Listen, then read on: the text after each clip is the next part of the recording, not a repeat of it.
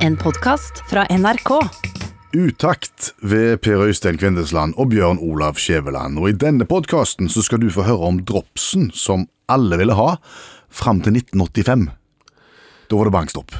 Og så er det plassmangel på svært mange kirkegårder, og en del folk som ikke vil kremeres. Hva gjør en da?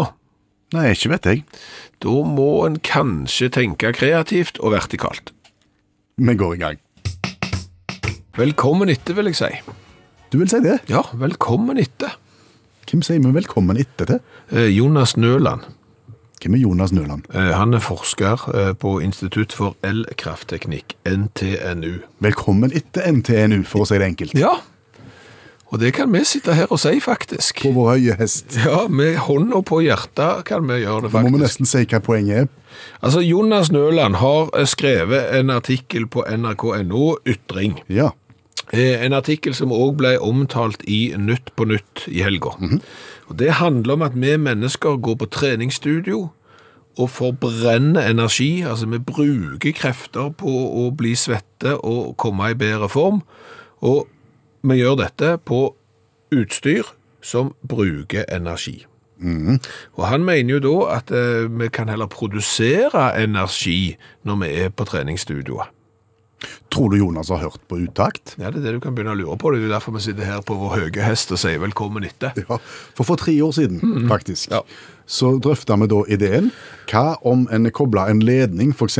til ergometersykkelen, og kobla den til en dynamo? Det bare viser at du har ikke vært på treningsstudio på Øystein noen gang på lenge, for du kaller det for ergometersykkel. Det heter det ikke, det heter spinningsykkel. Der ble du avslørt, gitt. Ok.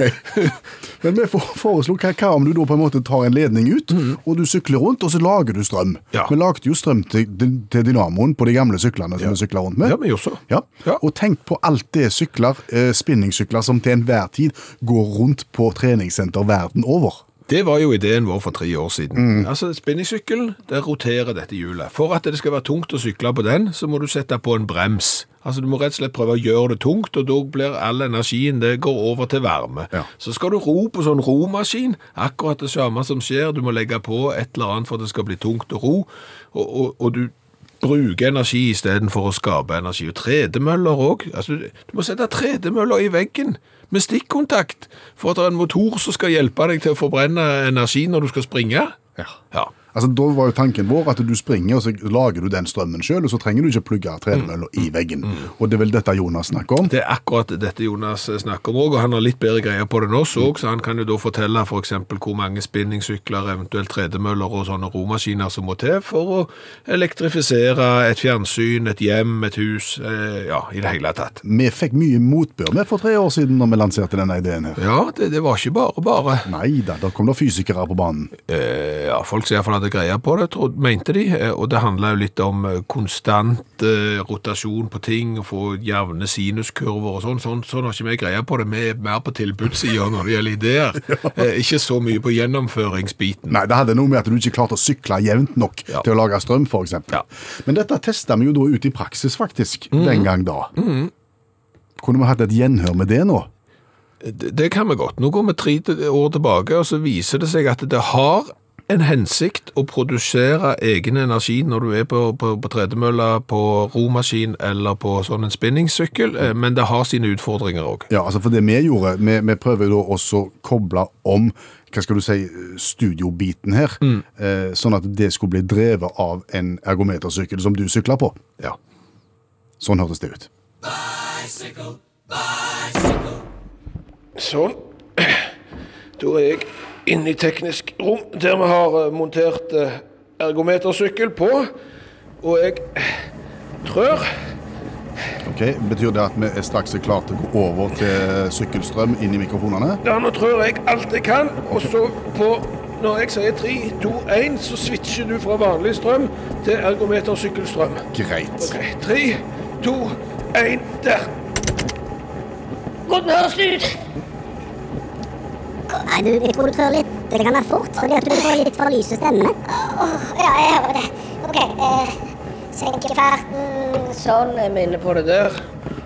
Nå ble det for seint igjen. Ble det for seint? Åh, nå øker jeg bitte litt opp. Sånn. Det har økt bitte litt mer, så jeg tror jeg er sånn midt imellom de to jeg hadde. Er det greit nå?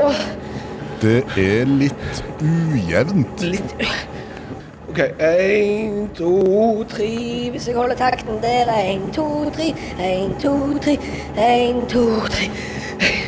Altså, det, det interessante her er jo at du klarer å drive mikrofonene. når Det er lyd, men lyden er noe ujevn, som du hører det. Ja, men Det er ganske vrient. Det, det er jo litt tungt å drive dynamo. Og det var vrient å holde jevn fart. Syns Slutt. jeg. Men hvis jeg, nå, nå, nå, jeg, jeg har en litt jeg skulle hatt litt opp der nå. Sånn. Det er fortsatt for fort. Det er for fort. Kan det være at skeptikerne hadde rett i noe av det de sa om sinuskurve og, og, og jevne fart her? Det, det kan godt være. Men det er sikkert løsninger på det hvis du bare forsker på det. Utakt har egen Facebook-gruppe. Ja, ja. Og der er det jo folk som er medlemmer. Mange. Og så er det sånn at de som er medlemmer der, de kan jo f.eks. tenke at det å være medlem i utaktgruppa, det er sikkert interessant for mine venner òg, og så kan du da invitere vennene dine inn i det gode selskapet. Er ikke det en god idé? Jo, for altså, fra vårt ståsted så er det jo en eh, god idé, men jeg vil gjerne komme med eh, det som kanskje er på grensen til et forbrukertips her. Det er bare på grensen til et forbrukertips. Jeg er litt usikker på om det er, jo, det kan, jo, det er forbrukertips. Ok. Men det er ikke så smalt som de andre forbrukertipsene vi har gitt i utakt, tror jeg. Nei, så her kommer det et litt bredt forbrukertips Jeg vil, ikke- vil vedrørende ikke si det heller. Jeg vil si det kanskje det er det bredeste av det smale, hvis du skjønner. Ok, Ja. men tematikken er invitasjoner til Facebook-grupper. Ja, for når du da inviterer eksempel noen inn i Utaks i Facebook-gruppa, så forteller du at hei, jeg er medlem av den gruppa. Så da vet den som blir invitert at du er medlem av den gruppa. Et oppegående, flott menneske som har lært seg å sette pris på et godt radioprogram.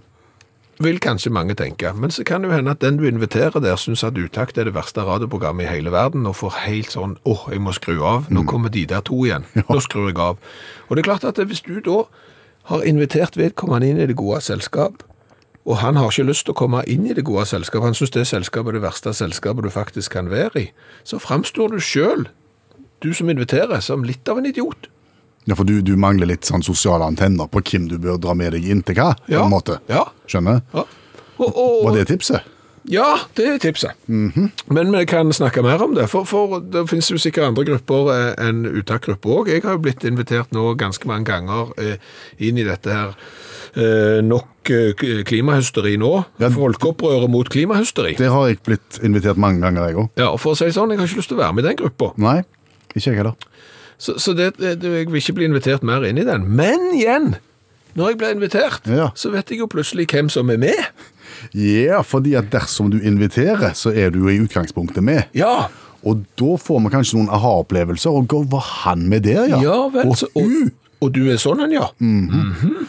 Og det er ikke sikkert at alle kommer ut på topp av alle de gruppene de inviterer andre med i, hvis du skjønner. Det kan jo være, du kan være for trekkspill. Det kan du. Og så inviterer du en heavyrocker inn i ei gruppe for trekkspill. Ja, det er bare gøy. Ja, det er kanskje gøy, men du kan være innvandrerfiendtlig, du kan være innvandrer for innvandring. Altså, du, du kan møte interessekonflikter. Så jeg syns jo det kan være en idé, når du da skal invitere folk inn i et sånt et fellesskap, at du har kanskje en viss idé om at de kommer til å sette pris på det. Ja. Pluss vær bevisst på at du avslører at du faktisk sjøl er et medlem. Ja. For du ville ikke nødvendigvis gått bort til vedkommende på gata og sagt Hei, du, du, jeg representerer den gjengen som, eh, som ikke syns at uh, et eller annet. Vil du, kunne du tenkt deg å støtte arbeidet mitt? Det gjør du jo ikke. Nei, du gjør ikke det. Men et lite trykk på datamaskinen Ja. er fort gjort. Ja, det er fort gjort. Du inviterer ikke folk i Miljøpartiet De Grønne inn i vi som fyrer med diesel på sankthansbålet og hiver på gamle fjernsynsapparater og glava, eksempel grupper. Du gjør ikke det. Er du med i den? Nei. Jeg er så lei av korona. Ja, det er mange som er lei av korona, Ja, men det er viktig å snakke om korona likevel. En skal ta forhåndsregler, Ja, men- ja, en skal være på plass. Ja, men ikke det. skal- Ikke viruset. Jeg er så lei av koronaølet.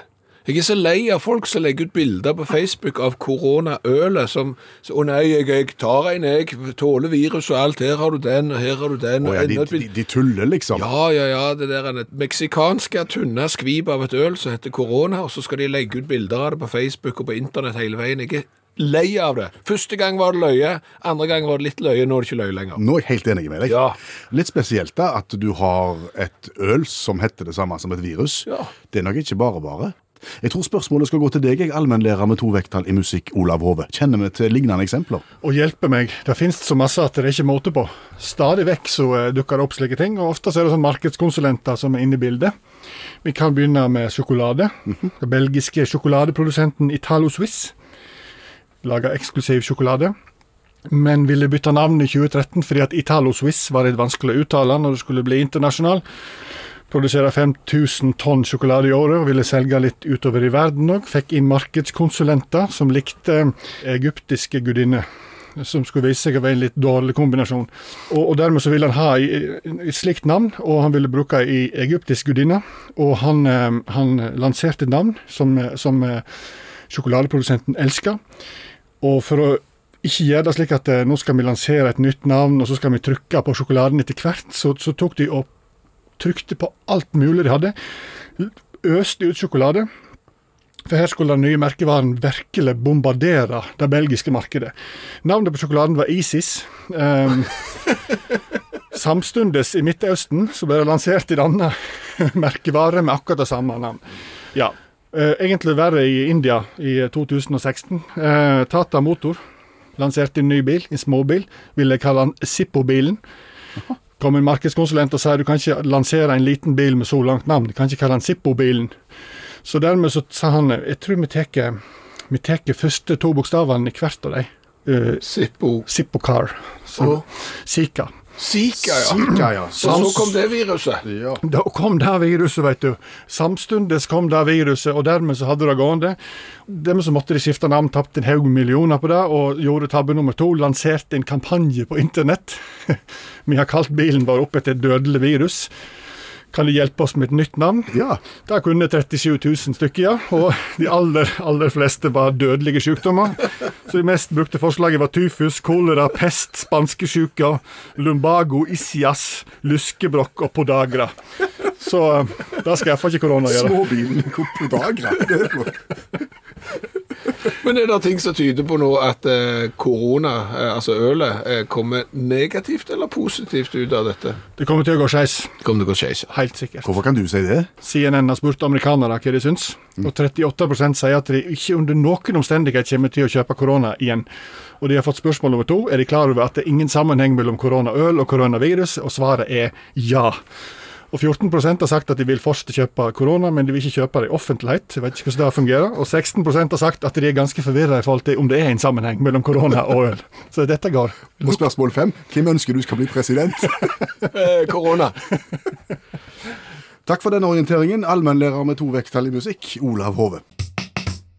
Hvis du skal ut og kjøpe deg skjorte, bukse, genser, dress, eh, sko, jakke jakke Så går jeg til en herreekvipering. Du gjør alt du kan for å høres kjempegammel ut, og du får det til. Ja. Herreekvipering. Nei, det bare datt ut. Ok. Jeg går i en eh, klesbutikk. Ja, og så eh, finner du fram eh, for eksempel en bukse, så du synes den er sikkert fine, og så kikker du litt på størrelsen, og så tar du med deg den, og så går du inn i Prøverommet. Ja. Og så har du sannsynligvis to som er for liten, fordi at det er jo ofte sånn det, og så må du ut og kontre, og så tar du en litt større, og så prøver du den òg, og så passer den. Og etter hvert så har jeg ganske mye der inne av ting. Ja.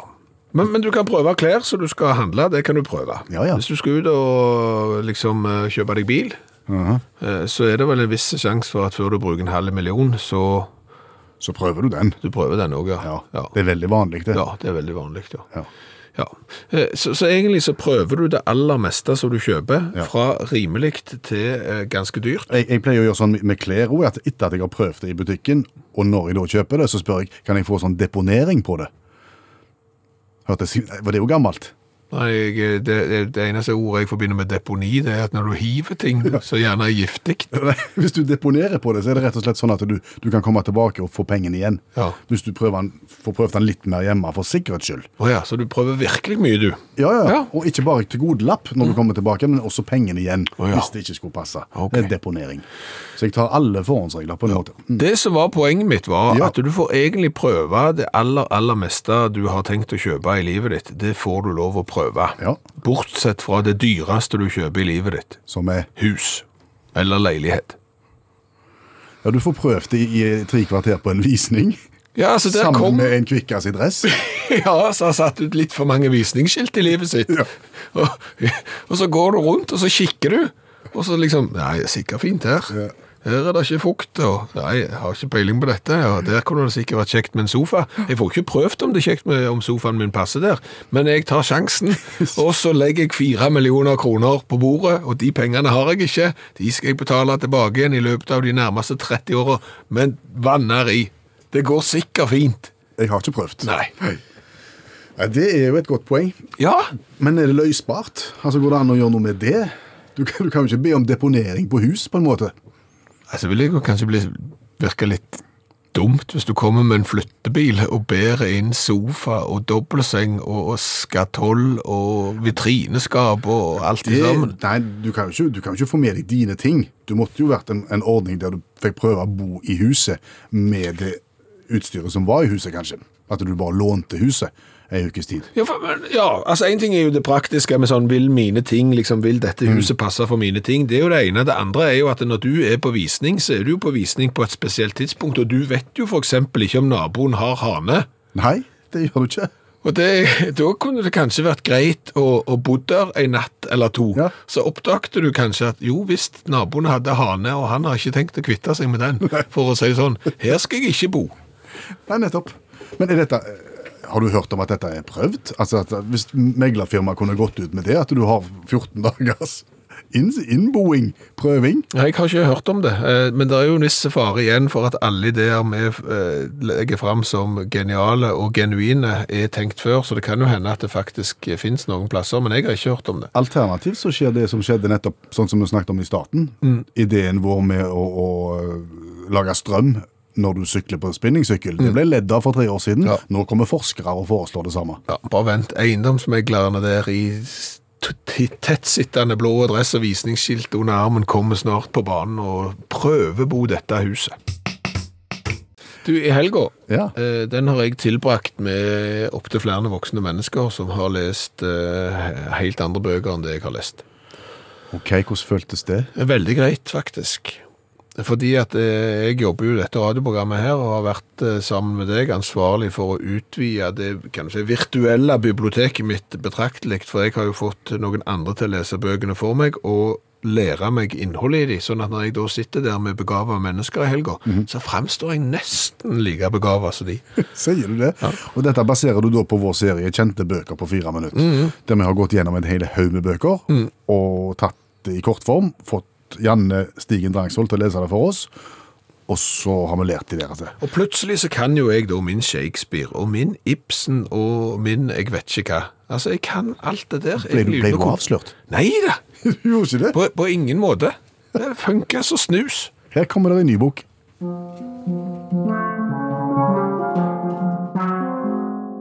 Portrettet av Dorian Gray av Oscar Wilde fra 1891. Dorian Gray er en eksepsjonelt vakker ung mann.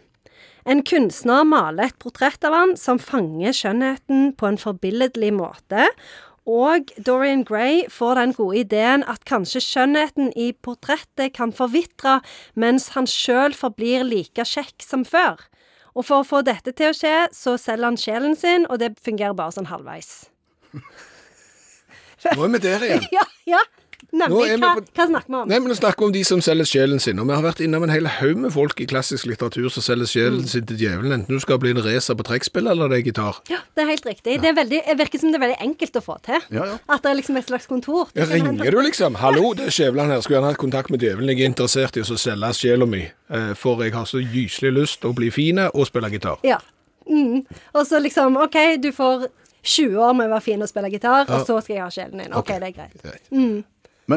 Han var bekymra for at eh, det portrettet som ble malt, skulle bli stygt. Ja, hvis du har portrettet liksom henger på veggen, ser kjempefint ut. Ligner veldig på deg. Ja. Men så tenker du sånn OK, jeg gjør veldig mange onde ting, for jeg er en ganske sånn hedonistisk type som liker å ha det gøy for enhver pris.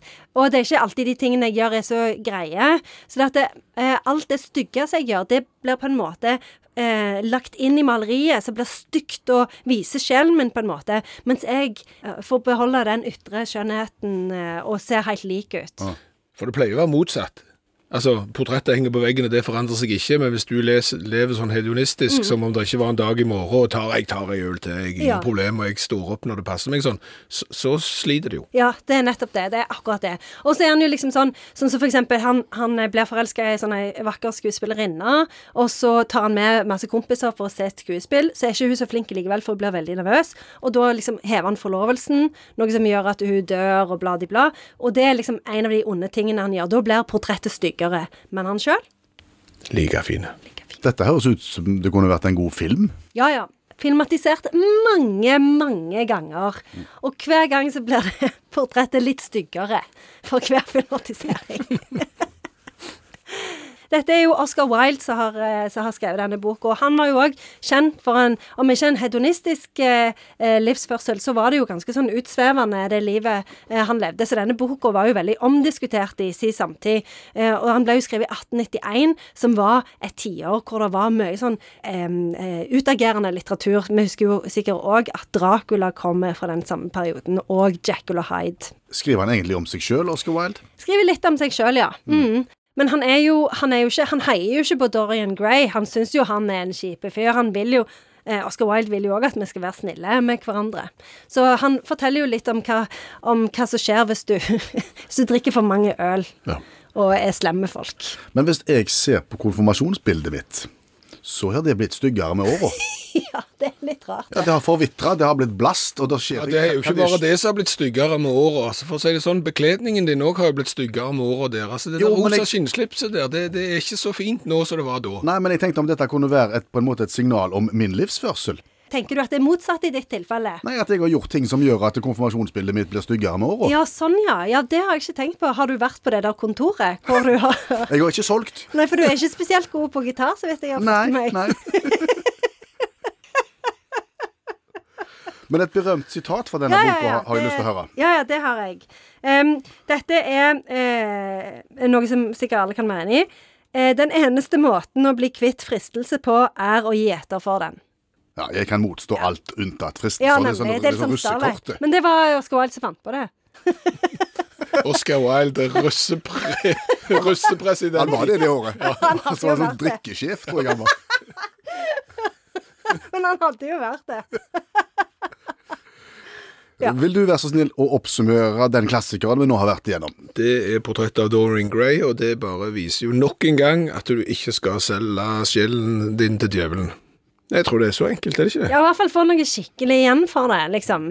Og bli, for jeg, ja, bli skikkelig god og spille gitar. Ok, eller- så ja. ikke bare utseendefokusert, liksom? Nei, Ok, nei. Da, da oppsummerer jeg det sånn istedenfor. Var det greit? Ja. Tusen takk, Janne Stigen Drangsholt, forfatter og litteraturviter. Helge er medlem av Utakts i Facebook-gruppa og har eh, skrevet et lite innlegg der. Eh, Titt og ofte omtales diverse straffereaksjoner, skriver han, som gebyr, forelegg og bot, f.eks., i medier. Mm. Disse ulike begrepene er jo knytta til ulike nivåer av eh, reaksjon. Altså, eh, det ene skal da på en måte bli gitt som en konsekvens av en alvorligere forbrytelse enn den andre. Kan du foredra litt om forskjellen på gebyr, forelegg og bot? Jeg skulle egentlig svart nei, Ja. men, men eh, jeg trodde ikke at gebyr var en straffereaksjon. Jeg trodde gebyr var noe du betalte for noe.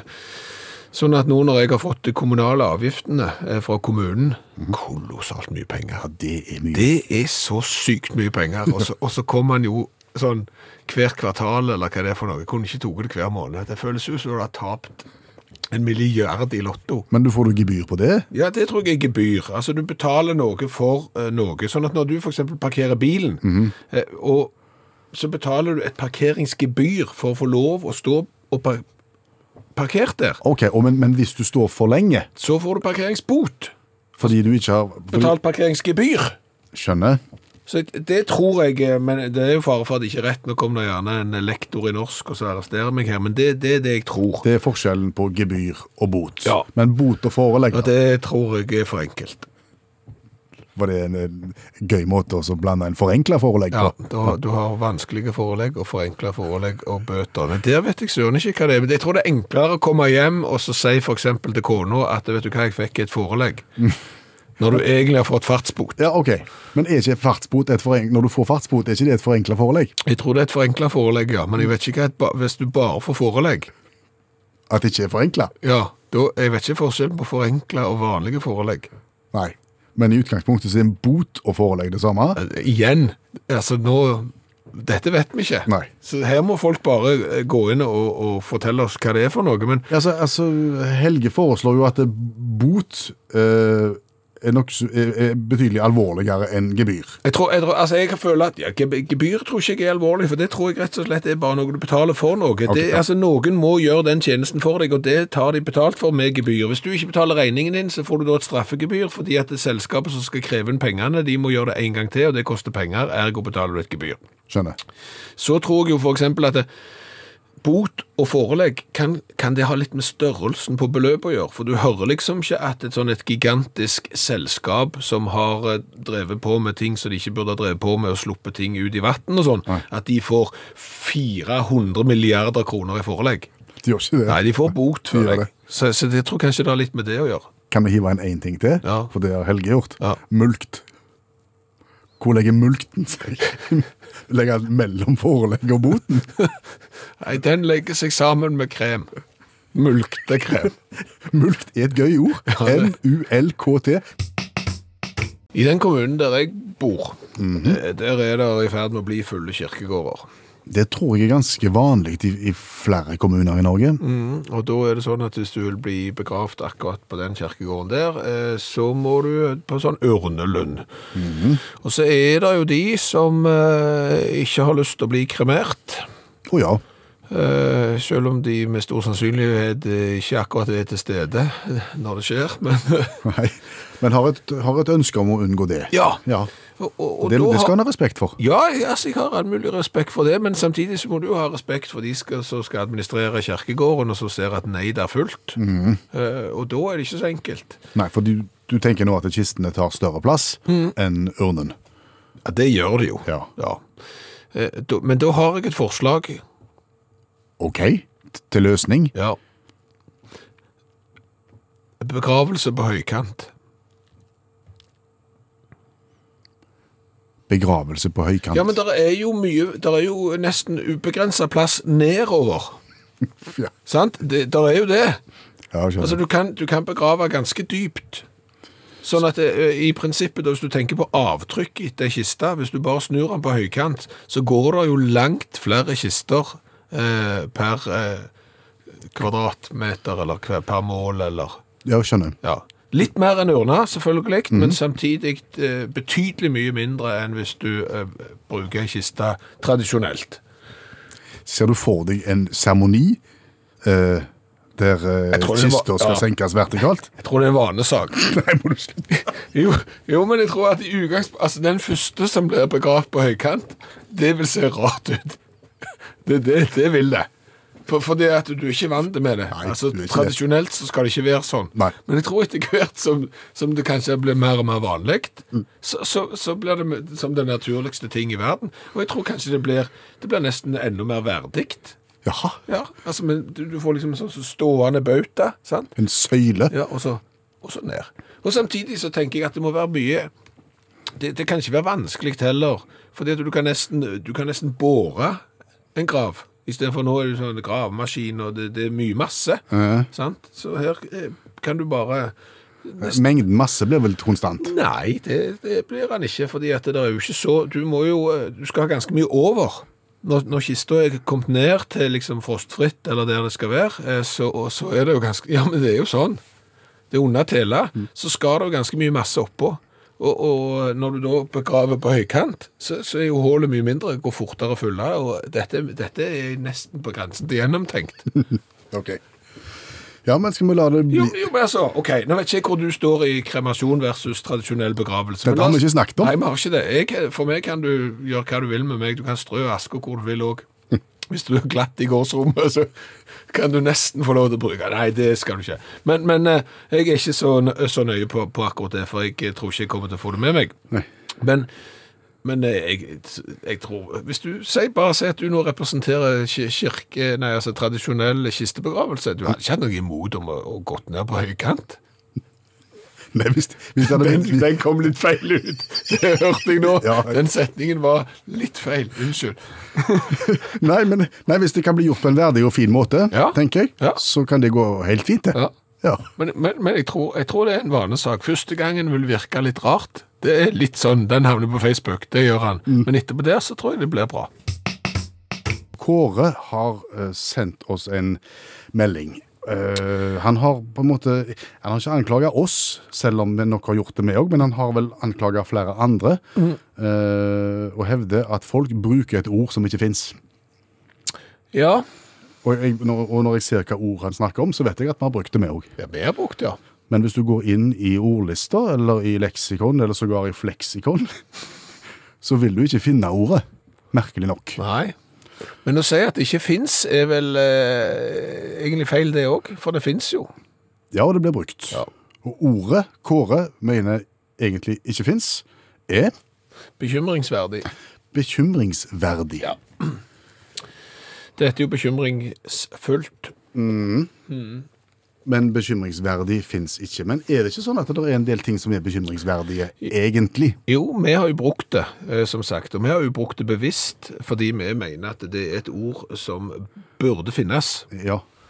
Det er ting som er bekymringsfullt, ja. Det er det absolutt. Men det er òg eh, ting som er bekymringsverdig. ja. Tenker du da f.eks. på restskatten? Ja, den er verdig en bekymring, for når den dagen kommer, så kommer han til å svi. Ja, for når en, når en på en måte vet at det, det, i år kommer det til å gå galt, Ja. da er den verdig en bekymring, som du sier. eh, Nordveggen min på huset, Den er bekymringsverdig. den er bekymringsverdig, ja. Hva da for? Fordi den sko jeg har malt i sommer, fikk aldri malt den. Nå står han der i, i eh, all sin forlegenhet. Forlegenhet? Ja, nesten.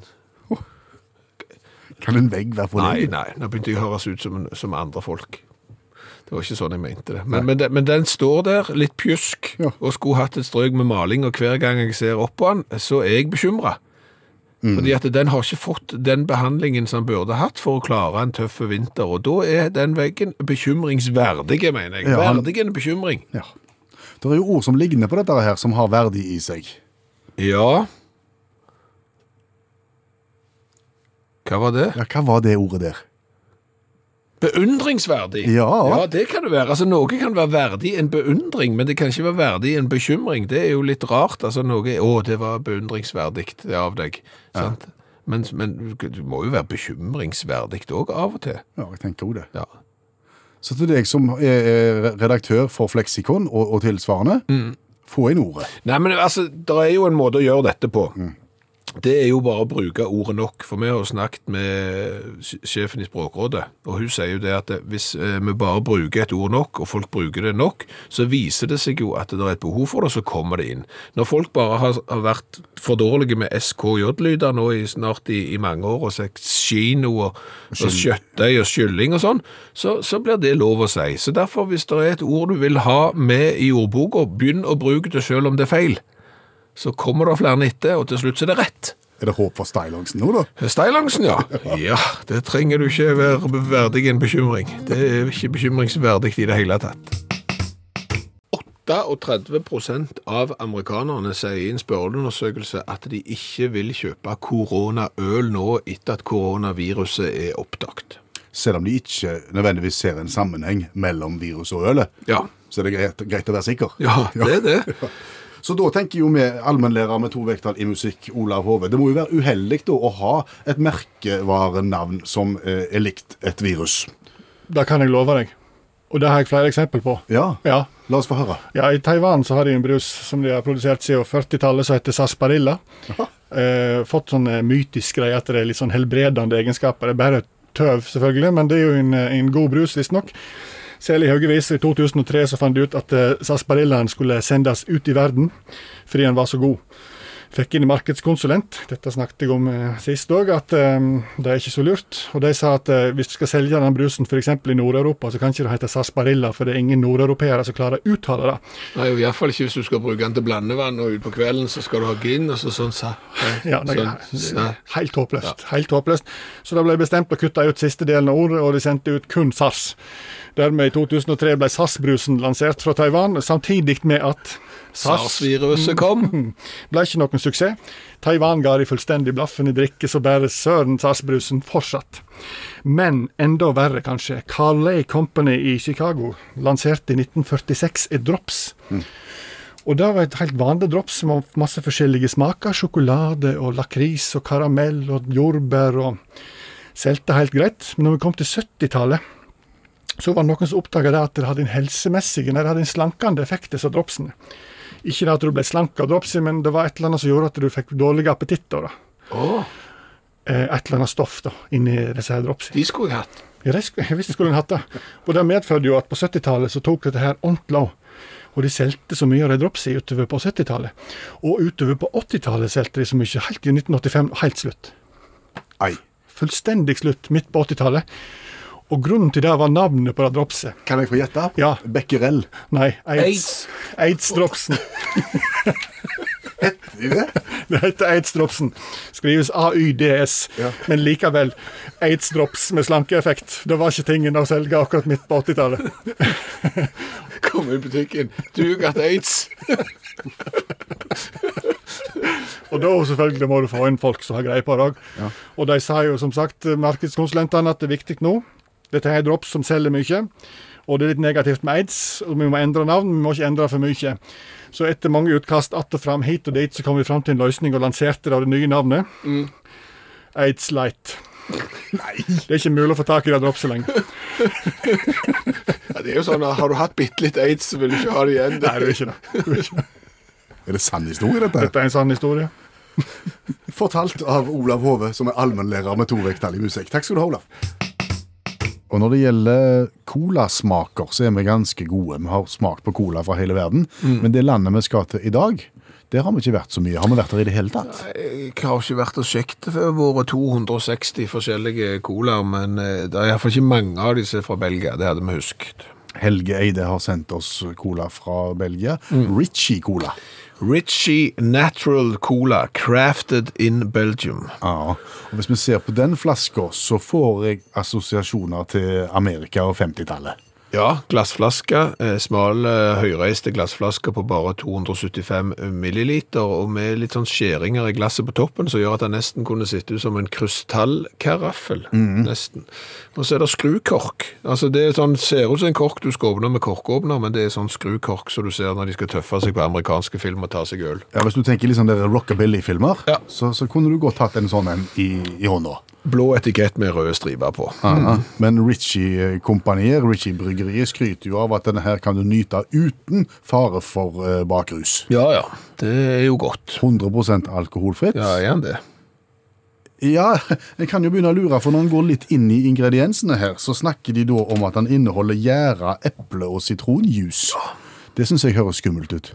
Ja, hvorfor skal du begynne med det?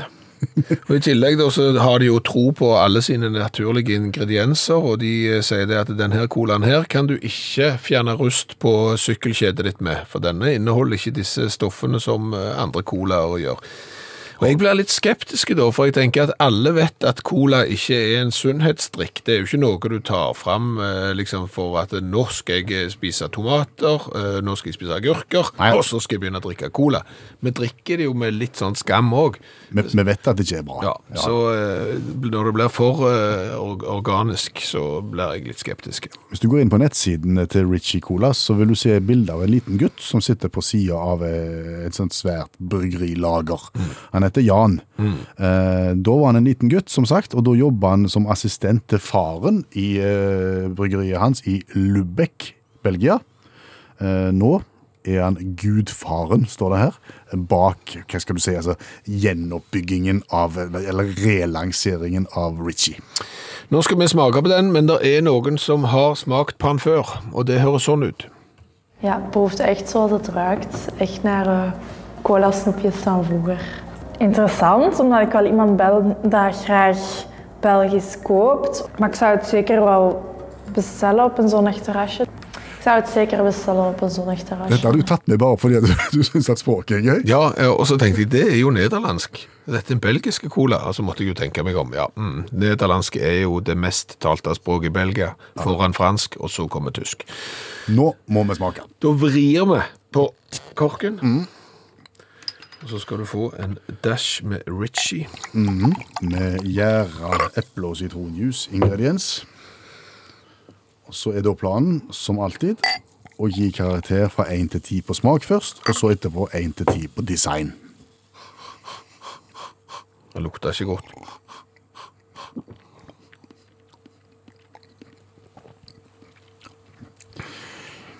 Ikke verst. Det smakte ikke godt heller.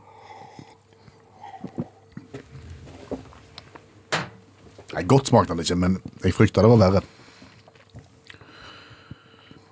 Så vi er jo vi er under fem her. Det, det, det må vi være enige om. Ja, vi er under fem. Er vi nærmere Jeg er på fire. Jeg tenkte jo det. Litt under midten på smak. Da er det notert. Eh, Så er jo spørsmålet hvor kult er dette her. Jeg liker litt den der rockabilly-stilen her, med blanding av, inn, av eh, vinkaraffel i, i krystall. Altså, det er en salige blanding. Ja, Her har de ikke forsøkt å kopiere egentlig noen ting. De har bare gjort det sjøl og gjort det tøft. Ja.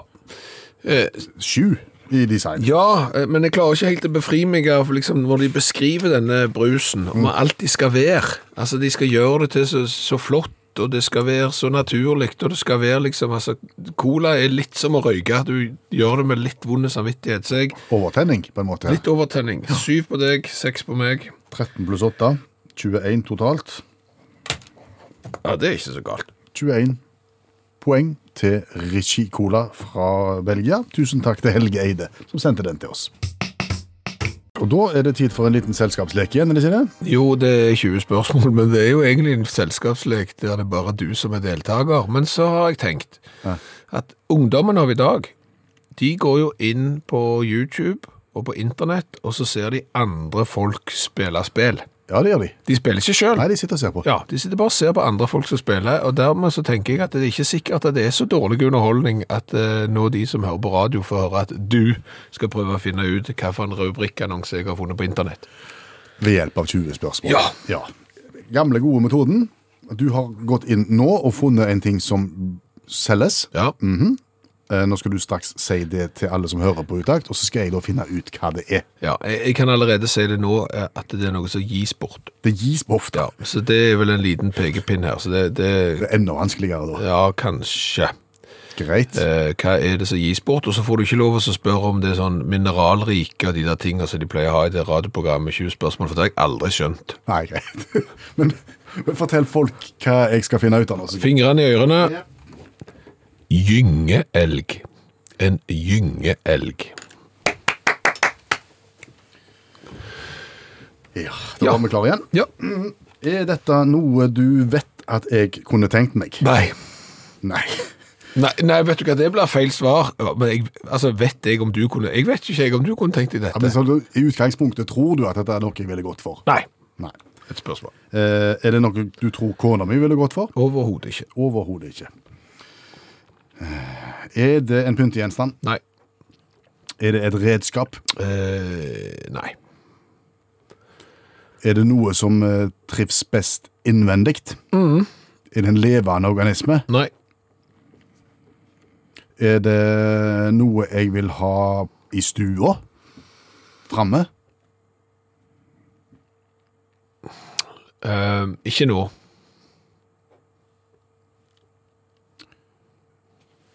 Ikke nå. Fordi at jeg er i den livsfasen som jeg er i nå. Ja. Ville jeg hatt den hvis jeg var ugift? Og, og, og hadde på en måte ungkarsrede? Nei, det hadde vært, det hadde vært bekymringsfullt og bekymringsverdig. Ok. Ja. Hva var det da jeg ville hatt det, da? Når jeg hadde små barn? Ja, Å. halvveis. Er, er det en leke? Ja. Det er en leke.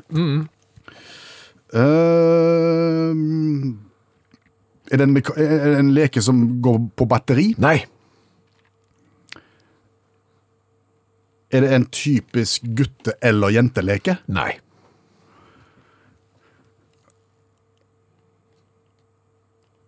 Eh, får den plass i en skuff? Nei. Det er en, det er en litt større ting, dette her. Ja, ja, det resonnerer dit. Det er en litt større ting. Som, ok? Seks spørsmål igjen. og- Må du passe deg, for dette begynner kanskje å bli veldig kjedelig radio. Ja, Ikke følg presset, men nå er det kjedelig. Nå er det kjempekjedelig. har du sett en sånn en leke bli brukt noen gang? Sånn som den? Ja. Aldri. Al nei, det er umulig å finne ut. Nei, det er ikke det. Er det, er det en tradisjonsrik norsk ja, leke? Sånn ja, det sånn er sånn, sånn på, sant? Poenget er at jeg har aldri sett en sånn en av den type leke. Jeg har sett den type legen, men jeg har aldri sett den versjonen av den type legen, som jeg syns er veldig spesielt. Er det noe jeg kan sitte på? Ja. Er det en gyngehest? Nei, Det er ikke en gyngehest. men det er veldig nært. Det, det, der, det der aspektet kom inn.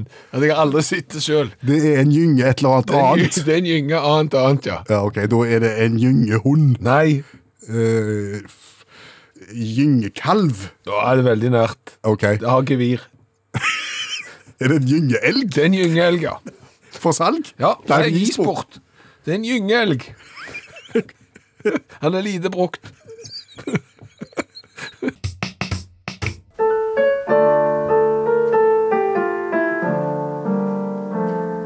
Utakt gir ved dørene.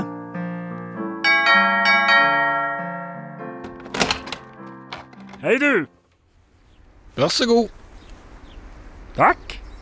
Ha det. Ha det.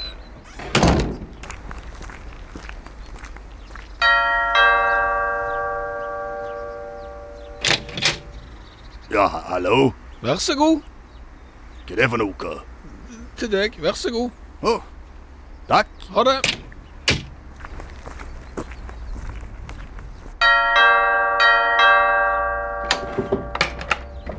Hei. Hei, vær så god. Takk. Hva, hva er dette? Det, Du ser jo hva det er. Det, det er til deg. Det er en pakke til meg. Det er til deg, ja. ja. Hva har jeg gjort meg fortjent til for å få den? Nei, jeg, du bare får, og jeg bare gir. Altså, sånn er det. Jeg går rundt og gir, jeg. Overalt? Nei, jeg bare med dørene okay. gir jeg. Så, så går jeg rundt, og så, så ringer jeg på, og så, så gir jeg. Ja, ja. Men nå må jeg nesten gå, for jeg skal, skal ha, ha flere dører, så jeg skal gi ved. Så, så sånn er det. Ja, ja. Ja, men jeg må si takk, da. Jo, vær så god. Ha det. Hei.